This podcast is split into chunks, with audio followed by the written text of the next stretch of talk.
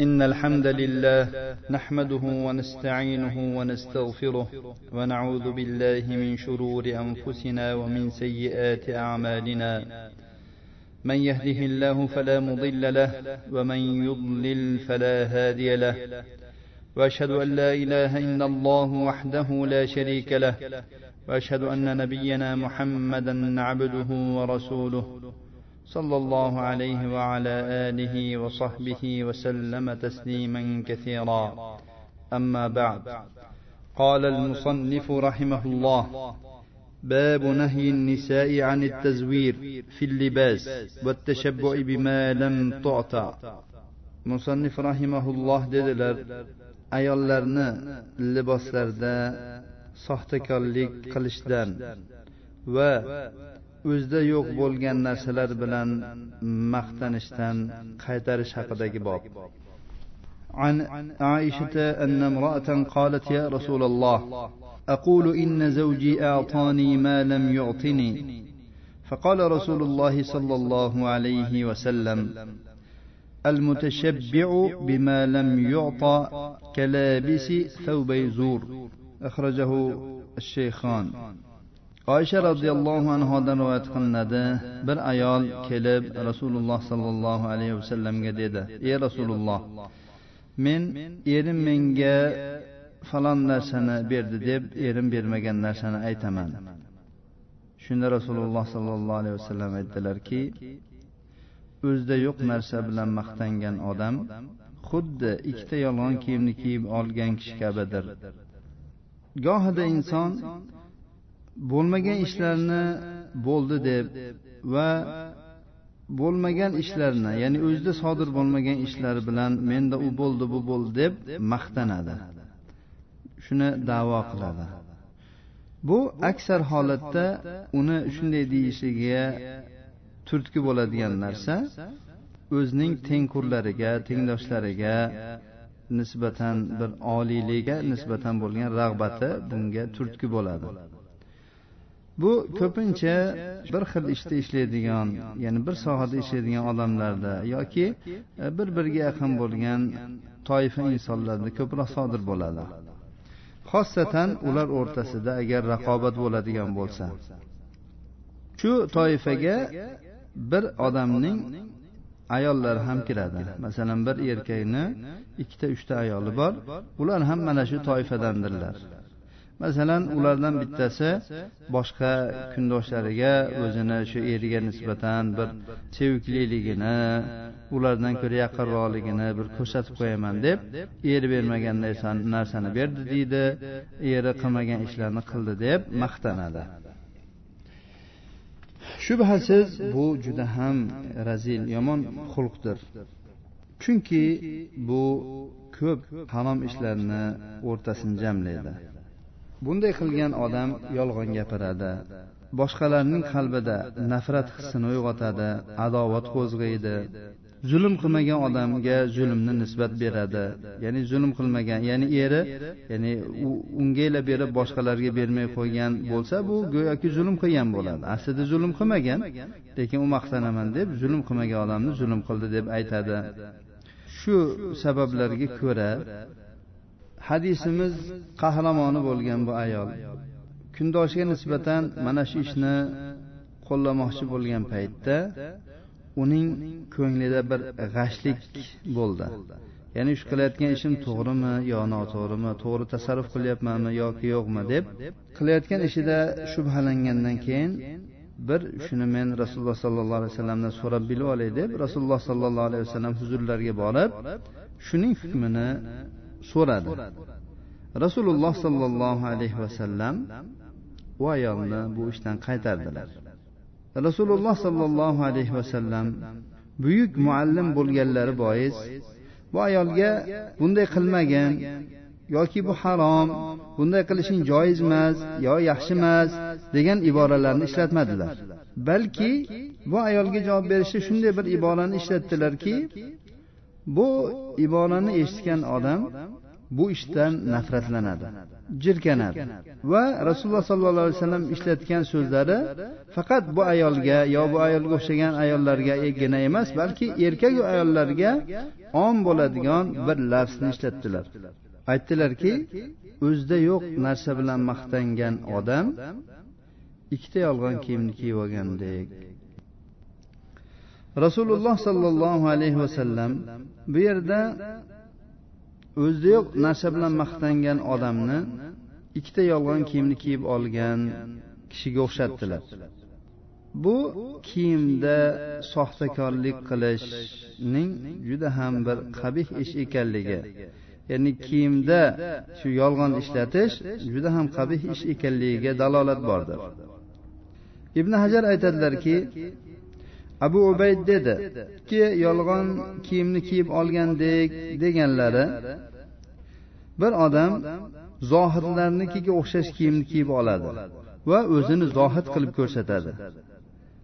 Va juda ham bir zohidman bir juda mana shunaqa bir ibodatgo'yman deb aslida o'zini ichidagi zohidlikdan ko'ra ko'prog'ini ko'rsatadi. Ikkita yolg'on kiyim deyilgan iboraga berilgan ma'nolardan biri bu. Abu said varid aytadilarki bu so'zdan murod shuki yolg'on guvohlik beruvchi odam ikkita chiroyli bir kelishgan kiyimni oladida birovdan olib turadi. Mana shu kiyimlarni kiyib kelgandan keyin juda bir bu odam bir ancha bir Э, o'rni bor odamga o'xshaydi kiyimlari ham ancha bamani. Э, buni guvohligini qabul qilsak bo'lsa kerak deb turib uning guvohligi maqbul bo'lib qoladi. Xuddi shu kabi so'zni hattobiy noim ibn hammoddan ham naql qilganlar. Aytganlarki bir mahallada bir odam bo'ladi. Uning bir o'ziga yarasha bir hay'ati bor haybati bor.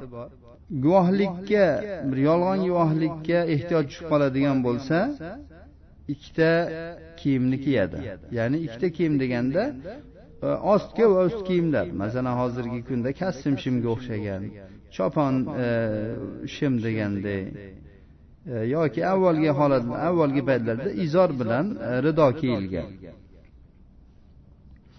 Va u guvohlik berishga keladi. Shunda uning hay'atining chiroyliligi ha bamani kiyilganligiga qarab turib uning guvohligi qabul qilinadi. Endi bu haqda guvohlar ha buni guvohligi mana shu ikkita kiyimi bilan o'tib ketdi deb qo'yishadi. Yolg'on kiyim yolg'on degan so'z bu ikki kiyimga mana shu ikkita yolg'on kiyim kiygan degan ma'no shu yolg'on guvohlik berish uchun alohida kiyim kiyib kelganligi uchun aytilib shu bilan mashhur bo'lib qolgan. Kalabisi savbay zur deb. Mana shu soxtakorlikka bugungi kundagi ayollar ishlatadigan rangli linzalar ham kiradi. Chunki bu ayolning ko'z rangini o'zgartirib qo'yadi. Ular aksar holatda ehtiyotsiz bir jamol uchun bu ishni qilishadi. Modomiki bunga ehtiyoj bo'lmaydigan bo'lsa bu narsalarni ishlatish e, mumkin emas. Chunki bunda soxtakorlik bor. Ya'ni ayol kishi o'zini ko'zini ko'k qilib yoki boshqa qilib ko'rsatadi. Islom umumiy suratda shu yolg'on soxtakorlikdan qaytaradi. Bu yerda ikkita yolg'on kiyim deyildi. Nimaga endi ikkita deyildi? Bitta emas. Ikkita deyishlikda mubolag'a bor. Ya'ni bir emas ikkita kiyim. Ya'ni bu yolg'on kiyim kiygan odam boshdan oyoq shu yolg'onga botib ketganligiga dalolat qilish uchun. U yolg'on ustiga yolg'onni qilgan bo'ladi. Xuddi qur'oni karimda zulmatun ba'daha fawqa ba'd ya'ni ustma ust zulmatlar degandek bu odam ustma ust yolg'onni qilgan. Ibn hajar boshqa bir ma'noni ham aytganlarki ikki yolg'on kiyim deyilyapti bunda shu kiyingan odamni yolg'oni ikkitaligiga ishora bor. Chunki u o'ziga o'zi ham yolg'on qilyapti ya'ni o'zi olmagan narsani ham oldim deb gapiryapti va bermagan odamga ham berdi deb yolg'on gapiryapti. shuningdek yolg'on ya'ni yolg'on gapiruvchi odam yolg'on guvohlik beruvchi odam o'ziga ham zulm qilgan bo'ladi va guvoh berilgan odamga ham zulm qilgan bo'ladi. Ibn hajarning so'zlari tugadi. Ushbu hadis ba'zi bir foyda va ahkomlarga dalolat qilmoqda. shularni zikr qilib o'tamiz. birinchisi yolg'on kiyim kiygan odamni mazammat qilinadi. ikkinchisi ayol kishi erkak kishidan bir hojat uchun yo fatvo so'rash uchun gapirishi mumkin joiz. Uchinchisi biror bir voqeani aytmoqchi bo'lingan paytda shu keraklik o'rnini zikr qilinsa bo'ladi.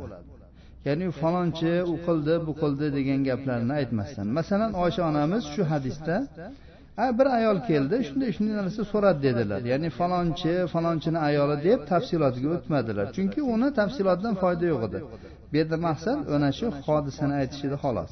Shunda o'rnak bor edi shunda foyda bor edi xolos. To'rtinchi foydamiz fatvo so'rovchi odam nojoiz ishni so'raydigan bo'lsa shunday qilsa bo'ladimi deydigan bo'lsa uni zajr qilib unga qo'pollik qilib unga qattiq gapirilmaydi. Lekin uni to'g'ri yo'lga yo'llab qo'yiladi unga to'g'risini tushuntirib qo'yiladi. Rasululloh sollallohu alayhi vasallam qilganlaridek. Beshinchisi qiyosga amal qilishning sahihligiga dalolat bor. Bu yerda o'zida yo'q narsa bilan maqtangan odamni ikkita yolg'on kiyim kiygan odamga o'xshatildi hukmda. Uni bunga qiyos qilindi. Oltinchisi zarbul masal orqali ta'lim tarbiya berish. Rasululloh sollallohu alayhi vasallam bu yerda shu ta'lim berishda zarbul masal qildilar. Kalabisi zur deb ya'ni ikkita yolg'on kiyim kiyib olgan odamdek deb zarbul masal qildilar. Alloh subhanahu va taolodan ushbu darsimizni foydali qilishni so'raymiz. Va keyingi darsda sizlar bilan ko'rishguncha xayrlashamiz. Subhanakallohumma bihamdik. Ashhadu an la ilaha illa anta astag'firuka va atubu ilayk. Va sallallohu ala nabiyina muhammad va ala alihi va sahbihi va